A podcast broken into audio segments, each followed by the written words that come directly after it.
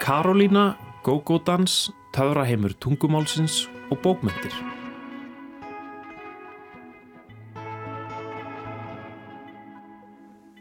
Í Vísjá dagsins minnust við Karolínu Lárasdóttur, myndlistakonu sem lést í síðustu viku, 74 ára að aldrei. Aðarsteinn Ingólfsson listfræðingur segir frá list Karolínu sem hann þekkir vel til. Í mannlífsmyndum sínum dró Karolína upp svipmyndir af þjóðlífinu á árunum eftir stríð. Hún var þjóðfélagsrínandi og höfundur hins nýja Íslands eftirstríðs árana, segir Aðarsteinn um Karolínu. Ragnheður Gíða Jónsdóttir fjallar svo um töfra heima tungumálsins í pistli í Viðsjá í dag. Magnús Guðmundsson kemur líka til okkar og heldur áfram að skoða nokkrar óvæntar hliðar jólabókaflóðsins síðasta. Margret Há Blöndal, myndlistakona, tekur svo áskorun vikunar og segir frá sínu uppáhaldslistaverki sem er Go-Go-dansarin eftir kúpverska listamannin Felix González Torres.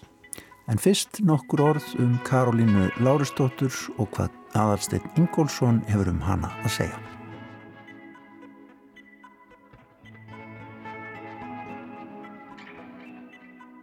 Karolína, nú og ég veit ekki hvort ég að bjólaði velkomna heim. Finnst þú að vera að koma til heim þegar þú kemur hingað til Íslands? Auðvitað finnst mér að vera að koma heim. Mér finnst alltaf ég vera að koma heim og ég, hafi, ég trúði ekki að vera í burti svo langan tíma. Þetta voru ólega mörg ár. En mér finnst alltaf ég bara verið í nokkur ár og nú er ég alltaf að koma heiminn á milli. Nú þegar maður lítur á þessu myndir sem þú að sína hér, þessu falletu myndir, þá uh, fer ekki hjá því að maður sjá til íslenska náttúru. Á hún mjög sterk ítök í þér ennþá? hún á ítök í mér þannig að, að ég elst upp hérna og ég er íslensk og þetta er, ekki, þetta er enga landslagsmyndir, þetta er bara það sem ég sé fyrir mér, þetta er bara minn heimur sem ég bý til og því ég er að gera stóru myndir þar þá ímynda ég mér landslag og það bara kemur út íslenskt, er mér sagt.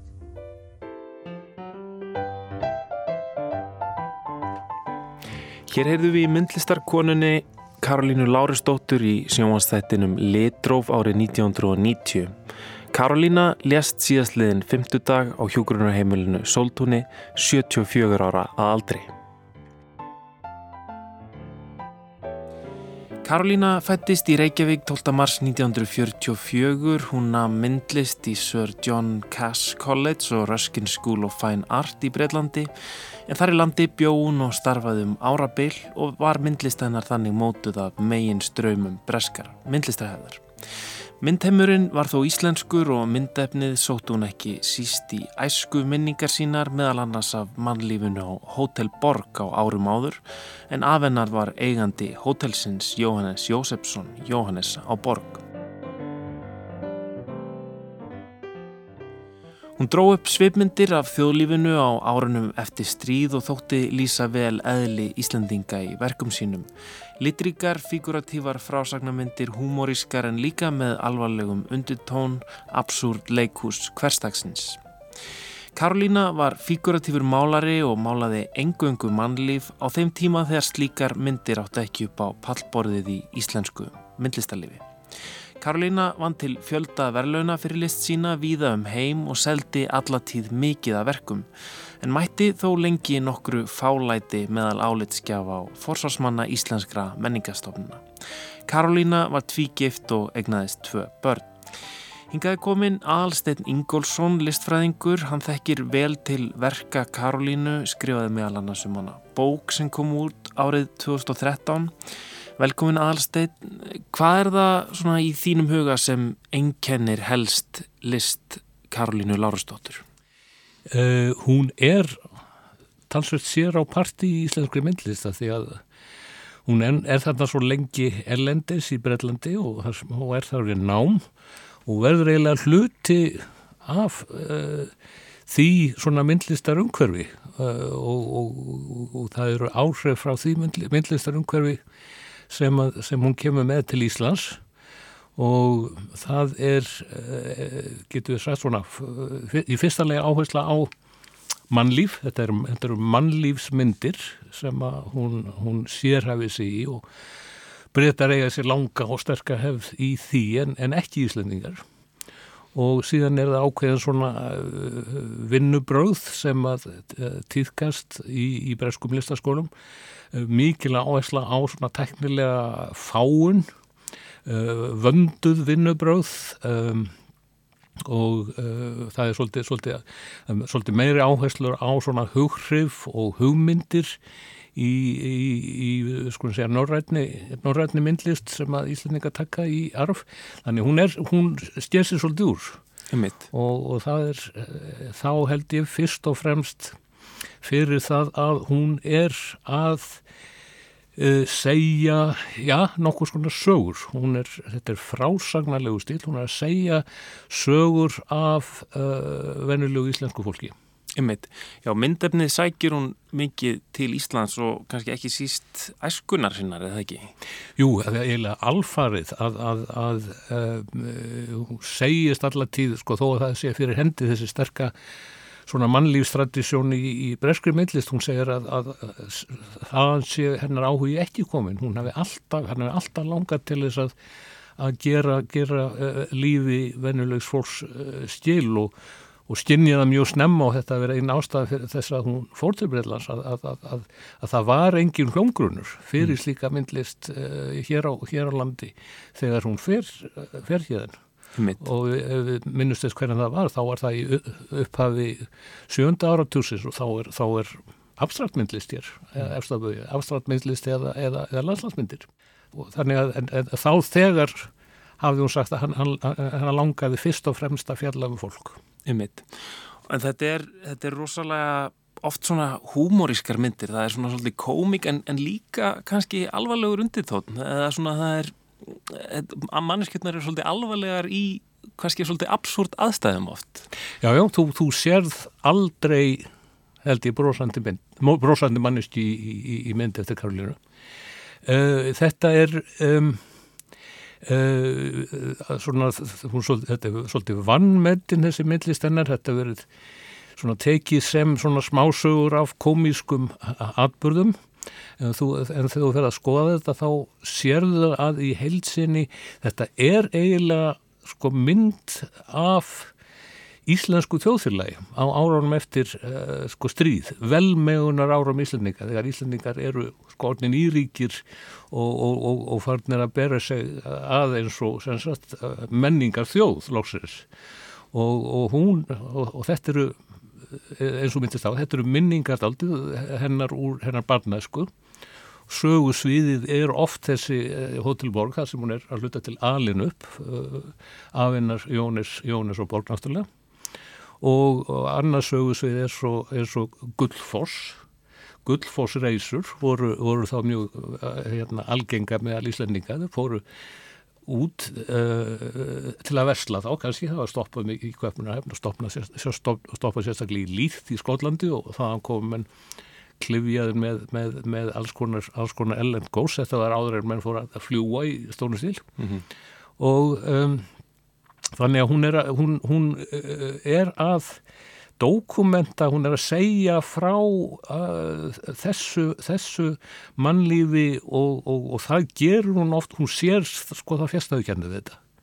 Hún er humoristi það er humor í, í um, mjög mörgum myndum hennar og, og um, írónía en aldrei held ég kaltæðinni henni þykir vandum þetta fólk sem hún er fjallum en henni finnst það svolítið spauðilegt af því hún kemur náttúrulega úr þessu sko forhóli e, fyrst svona e, uppælinn meðan, meðal betri borgar í Reykjavík og síðan náttúrulega er hún er, er nýr Brellandi það sem er, síðir eru, eru aðrir.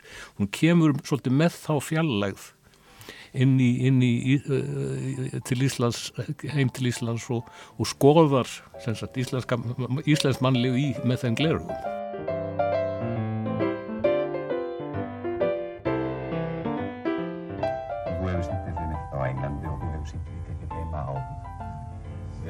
Finnst þér vera einhvern munur á þeim viðbröðum sem þú hefur fengið? Allt annað. Þetta er, má ég nota ennst orð? Já, ekki í Englandi er allt miklu meira low-key. Það, það er ekki svona, það er allt miklu rónera, miklu rónera á allan staði. Og yfirleitt eru galleríum svona frekar minni yfir höfuð nema Lavinam gallerí sem var í sem er hlutanónda á stúrta. Um, það er allt miklu rólega. Þegar þú segir allt þetta miklu rólega, finnst þið það mikil gassagangur hér hér heima?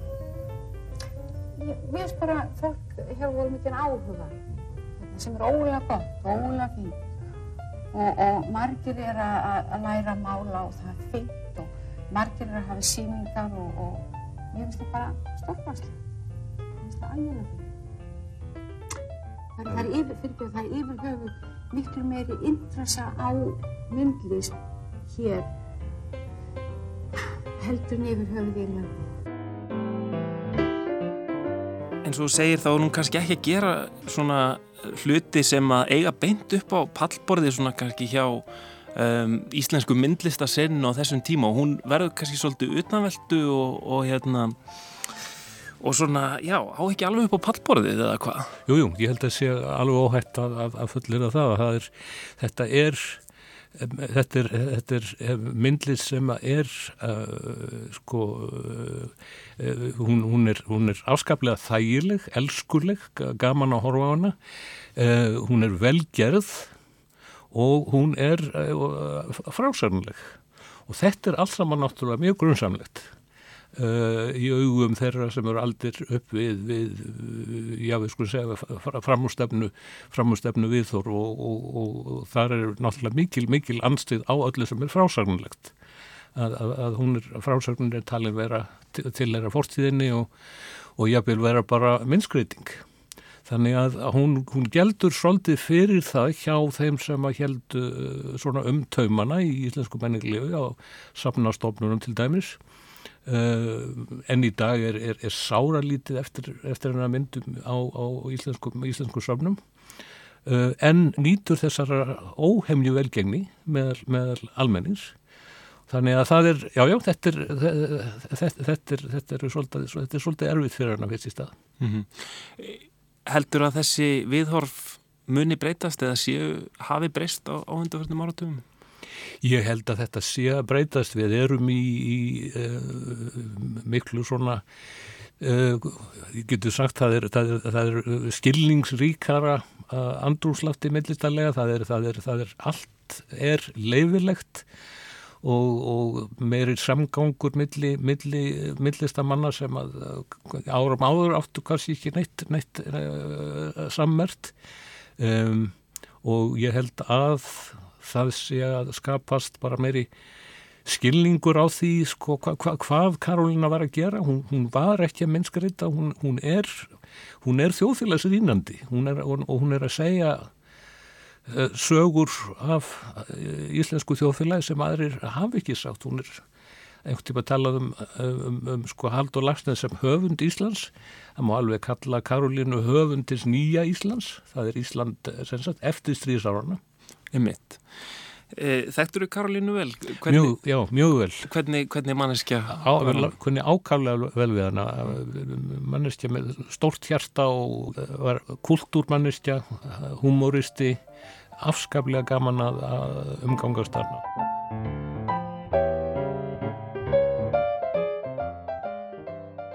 Hvernig er? Hvernig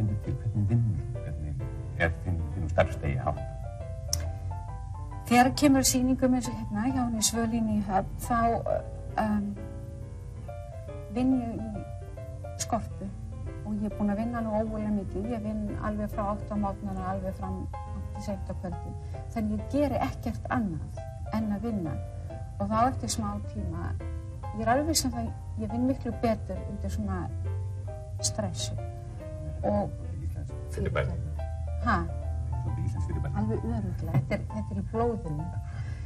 Og þá vinn ég allan tíman og ég er alveg viss um það því ég vinn svona 14 tíma dag pluss, þá vinn ég betur. Þá lif ég þetta alveg, ég geri ekkert annað, ég bara vinn. Og því meira sem ég vinn, því meiri hugmyndir fæ ég og, og bara þó ég setjast kannski niður á mill og fá mig kaffe og sopa, þá fæ ég vinna einhverju mynd og þá fæ ég hugmyndum aðra og, og þetta er svo spennandi og það er svo ógulega gaman að þessu að þetta gengur fyrir mig.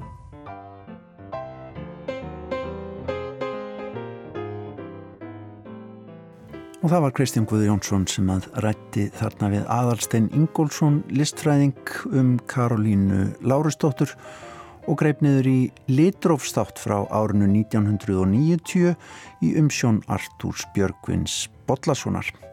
En við skulum heyra lítið fallegt ennst smálag eftir Edvard Elgar Salud d'Amor hveðju til ástarinnar.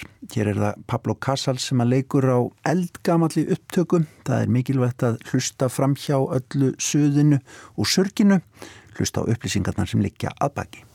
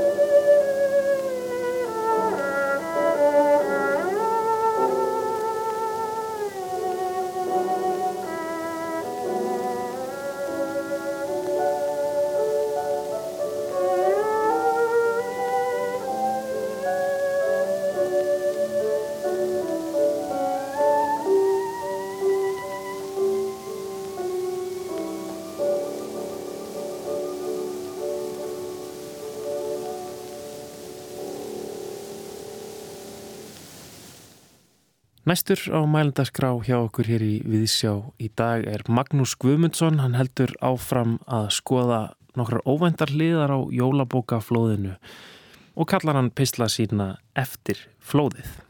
Það eru ófáir sem verða að fá sína íslensku glæpasögu í jólabakkan.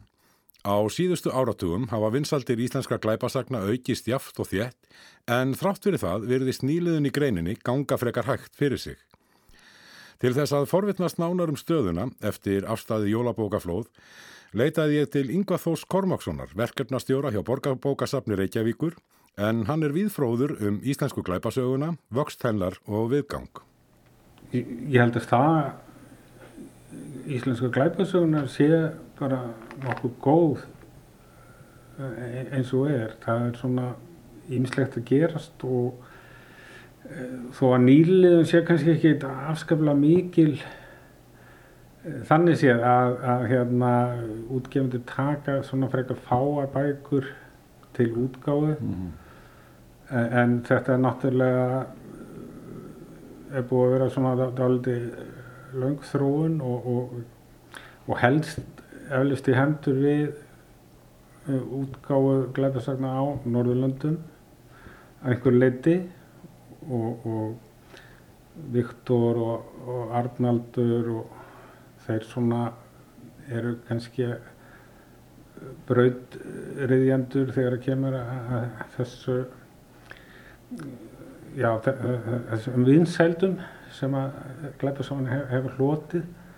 Um, þá voru nokkru náttúrulega sem voru að skrifa undan Gunnar Gunnarsson og Jón Birgir og, og hérna Leo Löfi og en með þeim svona já, rétt fyrir aldamótin kannski, allir sé ekki svona 20 ár sem þetta er búið að taka að svona að við stöndum svona daldi vel náttúrulega og, og verið að þýða suma höfunda á ellendungum Nú er tilturlega nýjastæði mjög stórt jólabókaflóð. Voru bækur þar sem þér fannst fara helst til lítið fyrir? Þessar sem að kannski svona fór ekki hátt sko. Þekkja náttúrulega Arnald og, og Irsu, Kongo drottningu og, og, og Lilja Sig, Sigurðar er kannski krónprinsessa og Ragnar Jónasson er, krónprins. Já, og, og og kannski gleymi Stefán Máni stundum. Hann nú með bók sem heitir Krísuvík núna fyrir jólinn það er eina af hans bestu bókum mm. tímulega list og, og, hérna, og ég finnst hún eiginlega besta glæbusagan frá síðast ári Akkurat. og hann er svona komið víða við og, og hérna, það er á endan held minni með að hann hafi verið með draugasögu á Melurrekkarsléttu mm. Svo leiðis að hann, hann er ekki alltaf í, í þessum gýr og, og hérna, já, kemur eiginlega víða við og skrifa barnabækur og, og fleira. Mm. En, en þetta er, þegar hann, hann tekst sem bestu upp þá var hann mjög skemmtilegur klepa höfundur. Mm.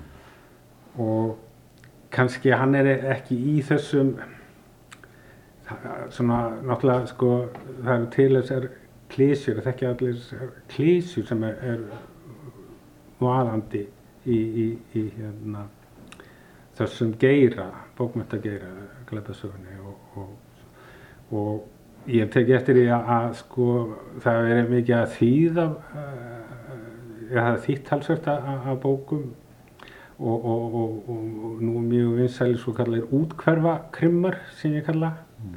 eða sálarkreppu krimmar og, og kvennkynshöfundur er mjög ábyrgandi þarna mm. og, og, og suma bækunar hafa voruð vinsælar erlendis og menn halda að þeir geti gert sér hér og það gera það vissulega sko. en þetta er volað mísjönd stöf sko, og sumt er ágætt en annað er bara alveg herfilegt hreinlega og ég bara sem dæmi verða að nefna hérna bók eftir höfundi sem að já, kom út bók fyrir stuttu eða ekki fyrir löngu sem hétt Hjónin við hliðina og hún hafði slegið gegn Erlendis og var sýtt hérna og, og hérna svo kemur annu bók eftir hennar höfund sem heitir Óbúan gestur og það er bara hnóð og bara tikkaði bóksinn og allar vestu klísjurnar sem geta einkent glæpasögur eru þarna allir staðar sko. Mm. Ég veit ekki hvað, hún hefði fengið samning kannski eitthvað, og lofaði að koma með bóka á einhverjum ákveðin tíma og bara réð ekki við það mm. en, en þetta er bara þýtt og gefið út hérna sko. Mm. og, og, og, og þetta er lagara heldur en hjá mörgum íslenskum höfðu sem er að reyna að burðast til að gefa út sjálfur sko. Já. þannig. Já, að, hérna það mætti kannski frekar eða fyrir í íslenska höfðu heldur en svona. En hérna já, ég las hérna líka Eitraðarni eftir Guðmund Brynjólfsson. Sem að gerast um aldamóti 1900 á Írabakka og, og þar í kring og, og, og hún myndi mér svona svo lítið á, á hérna bók Helga Ingólfssonar þegar Kongur kom sem gerðist svona í kringum 1874 en, en, en hún, hún, þetta er léttara mm. efni svona og, og, og hérna auðlesnara hjá, hjá Guðmundi og mér finnst þannig að takast bara nokkuð vel upp og það er lítið farið út fyrir aðalefni sögunar þannig séð en, en þannig kemur eina beni við sögu til dæmis bara í, í smá innleggi og, og en mér finnst þetta taka, takast nokkuð vel hjá Guðmundi. Mm og hérna svo var þarna kvöndagsmorð eftir Oddbjörg Ragnarstóttur og hún er nokkuð aðteglisverð en hérna hefði mátt snýða kannski aðeins betur til og, og hefði kannski verið gert ef það hefði verið um stærri uh, útgáfu eða stærri að forlaga að ræða þarna bak. Sko. Mm. Það, ég held að það sé ofta sem sagt ennkjemið á, á hérna, eigin útgáfun og, og, og þessum útgáfun frá litlum forlögum að það er ekki hægt að vinna eins mikið með það bara skortir fér kannski til þess að vinna mikið með textan. Sko. Það má kannski nefna í leiðinni þar þrjá bækur ég las uh, útlagamorðin eftir Ármann Jakobsson það er fyrsta glæpasagan hjá Ármanni og hann hótaði að halda áfram og ég held að megi það alveg því að þetta, þessi bókum gengur alveg bara príðilega upp og, og ekki díkja spennandi kannski en það er kannski ekki alltaf atrið glæpasaga glæpasagur eru misjaflega spennandi sko, og kannski heit, heita það þá spennusögur ef, það eru opáslega spennandi. En, en, og hérna já það, sko Guðrún Guðlaugsdóttir hún hefur skrifað hérna nokkrar glæpasögur og, og, og svo síðasta heitir Erðaskráin og Guðrún hún kallar þetta kósikrimma sem hún er að gera. Og hérna svo Sigur Jón Bergþór Daðarsson hafa aðra bók sína hún heitir Óbundi slítla það er ekki glæpasaga þó að komi nú döðsvöld við, við sögu en, en hún er dálítið eins og fjórum smásögum í lengri kantinum hafi verið steift saman í eina heila sögu. Og, og en það gengur alveg vel upp og þetta er hérna svona áhugavert. En ég sá ekki hún væri mikið auglist þessi bók. En, en er, er gefin út að ég manna ekki alveg veröldi að verti held ég. Og svo var hérna einn bók sem að fekk velin í samkeppni sem að veröld var með. Hún heitir Marrið í stíganum eftir Efi Björg Ægistóttur og, og það er svona bók sem er loða góðu, góðu og að því hún fekk þessi velin þá var hún komin hérna í Krimmahóp veraldar mm -hmm. og þar er fyrir hérna Óskar Guðmundsson sem að skrifaði Hilmu og, og sérna Blóðengil mm -hmm. sem ég held að það verið síðust ári En nú er oft mikil pressa frá forlögum á íslenska glæpasagnahöfunda að vera með bók árlega því þeir skila meira í kassan en aðrir höfundar. Er íslenski krimmin að líða fyrir þessa pressu? Ég veist eins og stundum hafið það gerst sko að það hefði mátt að vinna bækunar aðeins, aðeins betur og svona af og til hjá þessum höfundu sem er að gefa út á hverju einasta ári að hér, sömur eru nú kannski, þeir eru kannski búin að skrifa svona fram í tíman, gæti ég trúa sömur hverju, mm.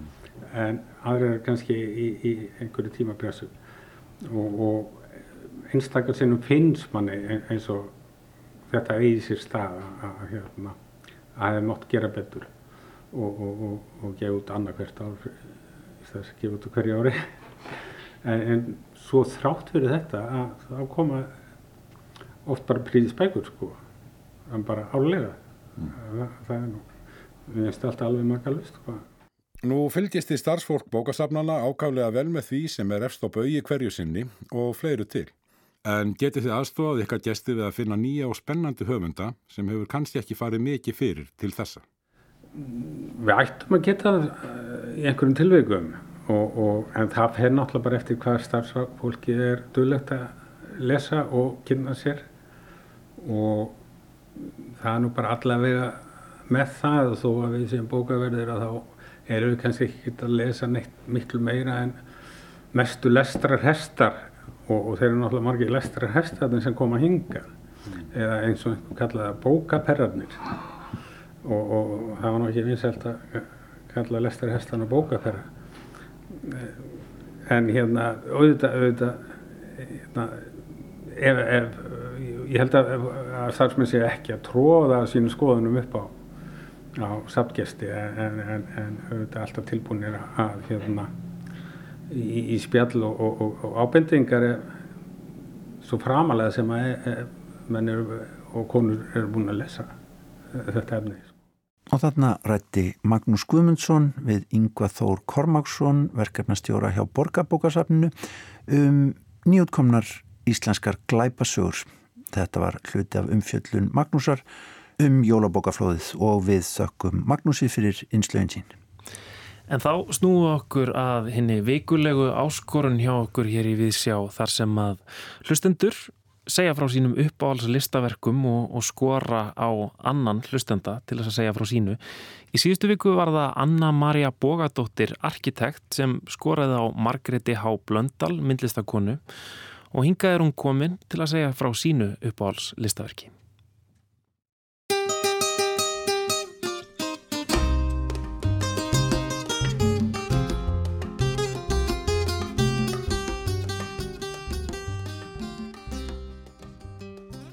Ég valdi verk eftir kúburska myndlistamannin Félix González Torres og ég hefði faktisk geta valið hvaða verk sem er eftir hann. Vegna þess að uh, í verkum hans þar, þar eru eiginleikar sem er þykja hvað eftir sokna verðastir í, í list og hann fjallar um uh, svona leiðarstefin í því að vera manneskja. Hann fjallar um uh, nánt, hann fjallar um söknuð, hann fjallar um missi, hann fjallar um fegur, hann fjallar um ást, hann fjallar um uh, hérna erotík og hann gerir það á svo reynan, beittan, uh, áriðslausan hátt verkans eru yfirleitt alltaf pólitísk án þess að vera predikandi. Og hérna hann fjall frá ég held að það verið 95 eða 96 en í hvert sinn er ég að opna bók og til þess að minna mig á verk hans þá verður til rými innan í mér eitthvað svona auka rými mm og ég ætla að um, ákvaða að velja í dag verk sem heitir Go-Go dansarinn. Og það verk er eins og mörghansverka, hann nota gætna fjöldaframlegt efni en hún er tekst að setja fram þannig að þau verða eitthvað svo mannuskileg og í þessu verki Go-Go dansarannum sem er frá 1991 þar er kvítur kassi eða stöpull, þetta er faktisk bara eins og stöpull. Og hann er freka lítill. Og á kantana á efri hliðunum eru greiftar ljósapyrir alveg eftir brúninni. Og þegar þetta verk er sínt óbemberlega því þetta er, þetta er, er til margar versjónir af þessu en ef það er sínt í óbemberum rýmu eins og söpnum að þá virkar þetta bara svolítið eins og mínimalískur skúltúr. En á hverjum degi eitthvað tíman fimm minútur í einu og þetta er, er korki tilkynning um þennan viðbörð niðar stendur hverki þá gengur inn í salin go-go dansari karlmaður í silfurlitari sundskilu og hérna og í strygaskóm með vasadiskó. Og hann skellir sér upp á þennar stöpul sem verður þá röfulega pallur eða vettvangur fyrir hann. Og hann er algjörlega í sínum eigin heimi og hann er bara að fíla sig og hann dansar og hann dansar og hann dansar og er ekkert meðvitaðir um áhörvendur í safninu. Og svo bara eins og ekkert sé þá gengur hann út aftur og hverfur.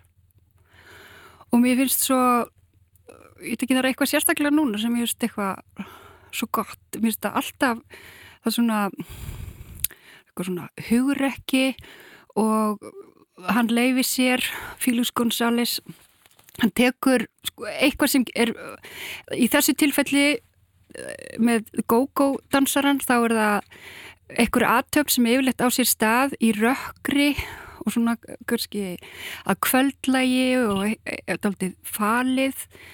Hann dregur það bara fram í dagsljós inn á þessum svona kvítu sterilu uh, sölum sapsins og mér finnst þetta verk líka, það er hérna, mér finnst þetta svo áhugavert út frá rými og þessi dansari, hann er í algjörlega öðrum heimi en allir þeir sem er í, í kringum hann.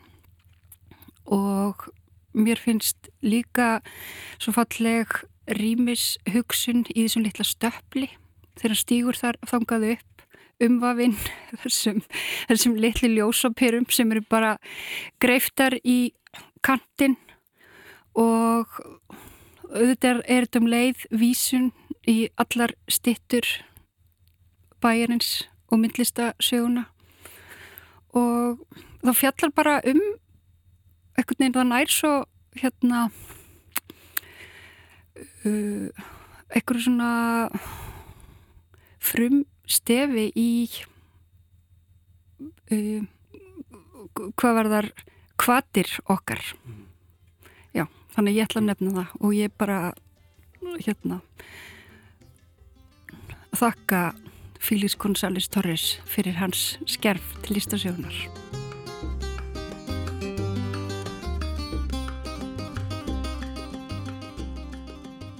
Sko ég hef aldrei séð það live. Þetta er eitt af þeim listaverkum sem ég sko sem kveikjar, veist, ég hef séð vídeo af því og ég hef lesið um það. Og ég hef séð myndir af, af stöflunum án þess að, að hérna að dansarinn sé. Og og mér finnst þessi stöpull ja, fallegur það er svo, svo merkilegt með stöfla því að hérna, ég hef alltaf átt erfitt með stöfla ég hef einhvern veginn, ég kannski að því að ég vinn sjálf alltaf svona inn í, í rými og ég, í eitt skipti sem að ég átti að taka þátt sem sagt uh, já, listasafn ASI var með stömpul í, í hérna í gardunum hjá sér og, það, og þau buðu myndlistamönnum að búa til verk á stöpulin og þetta er einn svona mesta áskurun sem ég hef fengið að búa til verk á stöpli. Og endanum að þá nýtti ég hennar stöpul bara sem einhver rými og bjóð til lítinn skúldur sem ég greifti sem sagt á framhliðina. En, en hérna en mér finnst bara þetta hvern, af því að listin sko það sem að kveikir í manni það er þegar eitthvað er tekið og þegar að það er þegar að listamanninu sko tekst að snúa aðeins upp á hvernig við horfum á eitthvað sem við erum kannski vun að sjá okkur um einasta degi. Og mér finnst uh, hvernig hún tekst í þessu tilfelli að bara umbreyta allir síningarýminu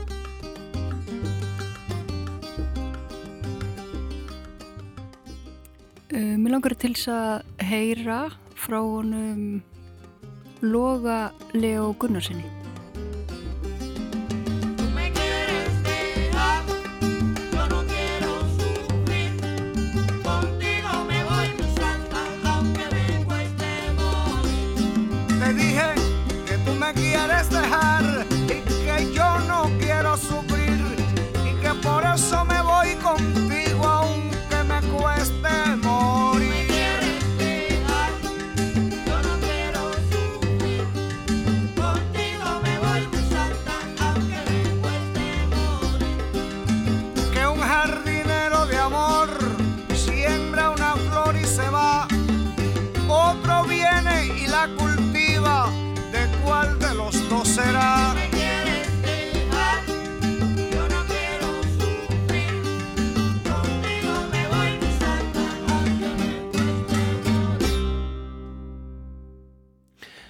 Margrét H. Blöndal, myndlistakona, sagði þarna frá sínu uppáhaldslistaverki Go-Go Dansarin og skoraði á annan myndlistamann á annari kynslo, það er Lógi Leo Gunnarsson. Það verður spennandi að heyra hvað hans uppáhaldslistaverk er.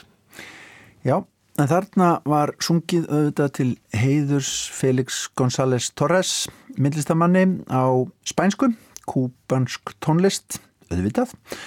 Og við ætlum með mitt að velta fyrir okkur tungumálunum hér næst í Víðsjá. Ragnhildur Gíða Jónsdóttir hefur verið að fjalla um töfra heima tungumálana á síðustu vikum hjá okkur. Hér er hennar þriðja einslag um málið. Eiríkur Rögnvaldsson, professor emeritus í íslenskri málfræði, skrifiðar á Vísindavef Háskóla Íslands að á síðust öld hafi dugað að segja að íslenska sé það tungumál sem tala sé á Íslandi. Nú þegar öðrum áratug 2001. aldar er að ljúka hafa orðið nokkra breytingar á samfélagi okkar og þar með skilgreiningu íslenskrar tungu. Við segjum þegar hér er komið Íslandsögunni að íslenska sé það tungumál sem lang flestir íbúarlandsins eigi að móðurmáli. Á orðabókum segir svo einfallega hlustendur góðir að tungumál sé mál sem menn tali en málíska sé afbreyðu tungumáls á ákveðnu svæði bundin aldrei kynið að stjætt. Og bara það væri svona einfalt. Ekki þarf til dæmis að hafa mörg orðum þær málískur sem ennskumælandi menn bregðar fyrir sig og gengur misvel að skilja mann og annan. Málið vandast þegar kemur til að mynda sænsku, norsku og stundum dönsku. Mælendur þessara norrænu mála skilja hver annan barast að þokkalega vel, þó er þetta ekki málískur, heldur tungumál. Kínvesku eiga flestir íbúarjarðar að móðunmáli. Flestir kínverjar tala mandarín, þá vú, síðan kantónsku. Þá eru eftir að minnstakosti fjögur sem týjir miljóna tala. Mín, Xiang, Hakka og Gan. Mælendum þessara málískna gengur mjög svo misvel að skilja hver annan og sumum bara alls ekki. Í skólum skal kent á afbreyði af mandarín málísku, peking málísku og hún er einnig tunga ljósvakameðla. Samt er kínverska eitt tungumál meðan norska, sænska og danska eru þrjú. Þátt fyrir að vera ekki nefna um 340.000 talsins á eigi norðunundur pól tekst okkur að reykja uppruna fólks eftir framburði, málískum. Anna Sigriður Þráinsdóttir, Malfáls ráðunautur Ríkisútasins, kann að segja frá þeim. Vestfyrsk framburðarenginni eru vestfyrskur einhljóðaframburður, það er langur gangur og vestfyrsk áhersla. Það er að setja áherslu á fórsetningu ef á undan fer aðtöksorð og eftir fer personufornan, ofan í hana. Á Norðurlandi eru engum tvö framburðarafbriði. Það er harðmæli, það er að setja sérstakann þunga í lokhljóðin PT og K, lokaðu pókanum. Og svo er það rattaður framburður, þar sem að L, M og N eru röttuð á undan lokhljóðum, stúlkan í hempunni til dæmis. Og á Suðausturlandi eru tvö framburðareinkenni sem eru svona ríkjandi, það er skaftfelskur einhljóðaframburður og hann er í því fólkin að það sem við skrifum í stafsetningunni GI þá fer langt sérhljóða undan en ekki stutt eins og er algengast í frambyrður. Þannig að stað þess að segja logi og bogi segjum við logi og bogi og stígi og svígi verður stigi og svígi. Og svo er það hávaf frambyrðurinn. Þar er borið fram nokkus konar öngljóð í staðar lokljóðs eh, þar sem við skrifum hávaf. Þannig að í stað þess að segja hver, hvor, hvaða og kvílikur eins og flesti segja, segjum við hér, hór, hvaða og hvílikur. Nú eða hver, hvor, hvaða og hvílikur. Nú eða jafnvel hver, hór, hvaða eða hvílikur. Sagði Anna Sigriður Þráinsdóttir, málfars raðunautur, Ríkisútarpsins. Engin rugglast á flámælinu lengur. Ekki þarf einhver að efast um hvort sker og sker merki skýr og sker. Flámælinu var útrýmt og er það sumum mikill missið. Töfrartungumálsins eru enn fleiri, kynbundnir, aldustengdir og stjertmundnir, svo nokkuð sé nefnd. Það var hellað stuð í Gautaborg í dag þegar íslenska kvennarlandsliði handbólta rúlaði stórt yfir Serbíu 24-19. Stórt læk á það, broskall. Það var reynda nett vandró að dómararnir vorum þvílíkt að kóa með serfnesku gellunum. LOL, serpurnar voru svo illa grimmar í setniháleiks og maður bara sagði Rolex. Þá riskuðu íslensku píurnar öllu með illuðum hraðaupplöfum en jóló og Ísland vann staðfest svagg, blikkandi bróskall. Bóji Ágústsson las þessa skálduðu íþróttafrétt í einum af þáttum Braga Valdimar Skúlasonar og Brynju Þorgestóttur orðbræði fyrir bráðum sex árum. Dæmi um ritað mál ungmenna í símaskilabóðum en lesið eins og íþróttafrétt í sjómarpi. Sjálfsagt hefur síma skilabóðamál þetta breyst síðan og jáfnvel tungutak ungmenna yfir leitt. Því aðli tungumála er að vera lífandi og síkveik. Fyrst skal nefna að indo-eurósku tungurnar skiptust í satem og kentum mál. Þau vastrænu, germansku, ítalísku, hælenísku og kjallnesku flokkast kentum mál. Þau slavnesku og indo-íransku satemmál. Hér fyrir vestan varð frum indo-euróska orðið yfir hundrað að til dæmis kentum á latínu en eistra varð sama orð að satem, svona í stórum dráttum. Því mannkinn er eins og það er, gríska og armenska teljast skildmál, gríska er kentummál en armenska satemmál. Germanskum ælandi forfeyður okkar færðu síðar sín hljóð aðeins til, P og PH gerði þeirrað F-i, samper pater í latínu en faðir hér. T og TH letu þeir verða þotn og K og KH skildi verða H.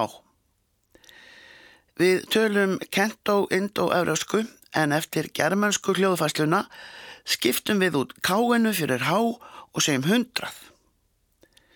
Svo mátti lengja sérhljóða, ef ekki heilu atkvæðin, láta sum hljóð breyta sérhljóða í orðum, hljóðvarpa, kljúfa, renna saman sérhljóðum, því lífandi tungur breytast eftir þörfum samfélagana sem þær þjóna, tungan speklar breytingarnar sem á þeim verða. Á síðustu öll hefur orðafáriði íslenskunar gjörbreyst og ljósvakamiðlar hanna samræmdan framburð nýjan. Beigingar í íslensku eru fastar fyrir en hafa þó tekið breytingum. Engil saksneska sækir stöðugt á við framkvæmum gjarnan boranir í stað þess að bora, gerum eða framkvæmum rannsóknir þegar við rannsökum. Neistla hefur ekki aukist, heldur hefur orðið magnuaukning á neistlu. Til er þeir sem tælja óruatíma og stöðuleika á nútíma íslensku hafa áhrif á tungumál, hvorsan það eru styrjaldir, loftslagsbreytingar, ofsoknir, ójöfnöður, hvað eina sem gjör byltir ógnar tilveru manna, mælendana.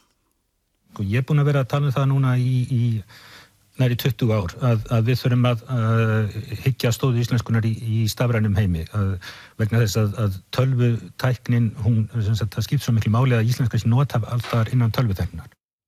Sagði fyrrnemdur Eiríkur Rökkvaldsson í Kastljósi í janúar 2017.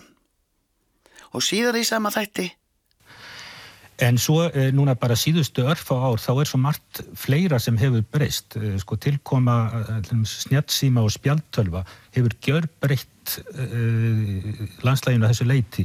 Það eru svo margi sem eru sítengtir þarna við ennskan menningar heim í raun og veru alltaf. Gagvirki tölvuleikir sem fólk spilar meira og minna á ennsku. Nú svo er bara líka breytt viðþorf. Alþjóðvængin hefur haft áhrif að, að Únlingar sjá ekkert framtíð sína endilega á, á Íslandi. Allur heimurinn er, er orðin sko, svona sameilegur markaður fyrir mentun og þekkingu og, og, og únlingar nú að tímum þau, hugsa, íslenskir únlingar þeir vilja gerna búa erlendis, vinna erlendis þá sjá þeir það að íslenskan kannski nýttst ekki, ekki mikið þar og þá er spurningin hvað áhrif hefur það á viðhorið þeirra til málsins. Pislaruð þessi hófst á hínu og þessu um máltöku mannana barna og hugsanlega meðfæta eiginleika þeirra til að læra tungumál, framburð og málfræði í einum og grænum kvelli. Að óglendum þeim lífærum og líkamslutum sem urða að vera á réttum stöðum þegar vitiborni maðurinn tók til máls. Og þá ekki síður málstöð var heilans, Fox P2 genir, speilfrumunar og skinnjun öll. Þeir faglegar rannsóknir hafa leitt í ljós og láta ekki staðan umið. Fyrir rétt tæpum fjórum áratugum hófu sérfræðingar á sviði bókmenta, málvísinda, sálar og taugavísinda að huga að líkamsmótari hugsun mannkynns. Bergljótt Sofja Kristjánsdóttur, profesor í bókmentum við Háskóla Íslands, var gestur Torfa Túliníus og Ævas Kjartanssonar í samtalum frásagnir og hugran fræði 27. janúar síðastlegin. Þegar ég var í skóla og menn töluðu um hugan þá rættu þeir fyrst og fremst um hugsun mm. og það var auðvitað hugsunin var auðvitað í hásæti hjá þessari stórkoslegu lífveru manninum mm. jafnvel á 8. áratug síðust aldar mm. þegar rómarskísluna voru komnar og við vorum farin að sjá hvað þessi stórkoslega lífveru gerði við umhverfið sitt uh -huh. en e, á þeim tíma þá var aldrei rætt um ílægið, sjálft ílægið í hugsanir okkar. Ja. Það er að segja það hvernig við skinnjum veruldina frá andartaki til andartaks og mm. reynum hana.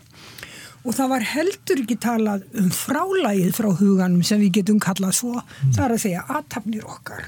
Mm. Við skiptum okkar við veruleikan.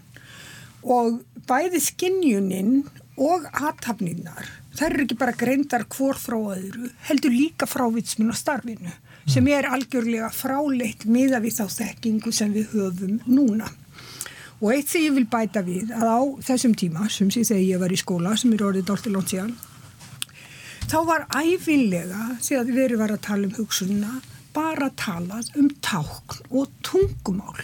Mm -hmm. Líka minn sjálfur kom ekki til sögu og mér hefur satt best að segja fundist eima of mikið af því í umræðum frásagnir á Íslandi að það væri bara einblind á tákn og tungumál.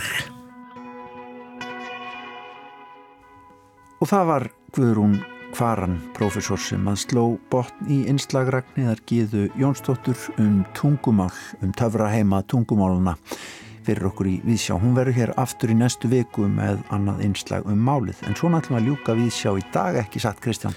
Jú, við verðum hér aftur á sama tíma á morgun. Já, heldur betur og þá segjum við ykkur hlustendu góðir hverjir eru tilnemdir þetta árið til íslensku myndlistarvelunna sem verða veitt á fymtudag í næstu viku. Við fáum að vita tilnefningum fyrir myndlistarmann ársins og kvartningarvelun ásins í myndlistinni á morgun. Fylgist með, verið sæl.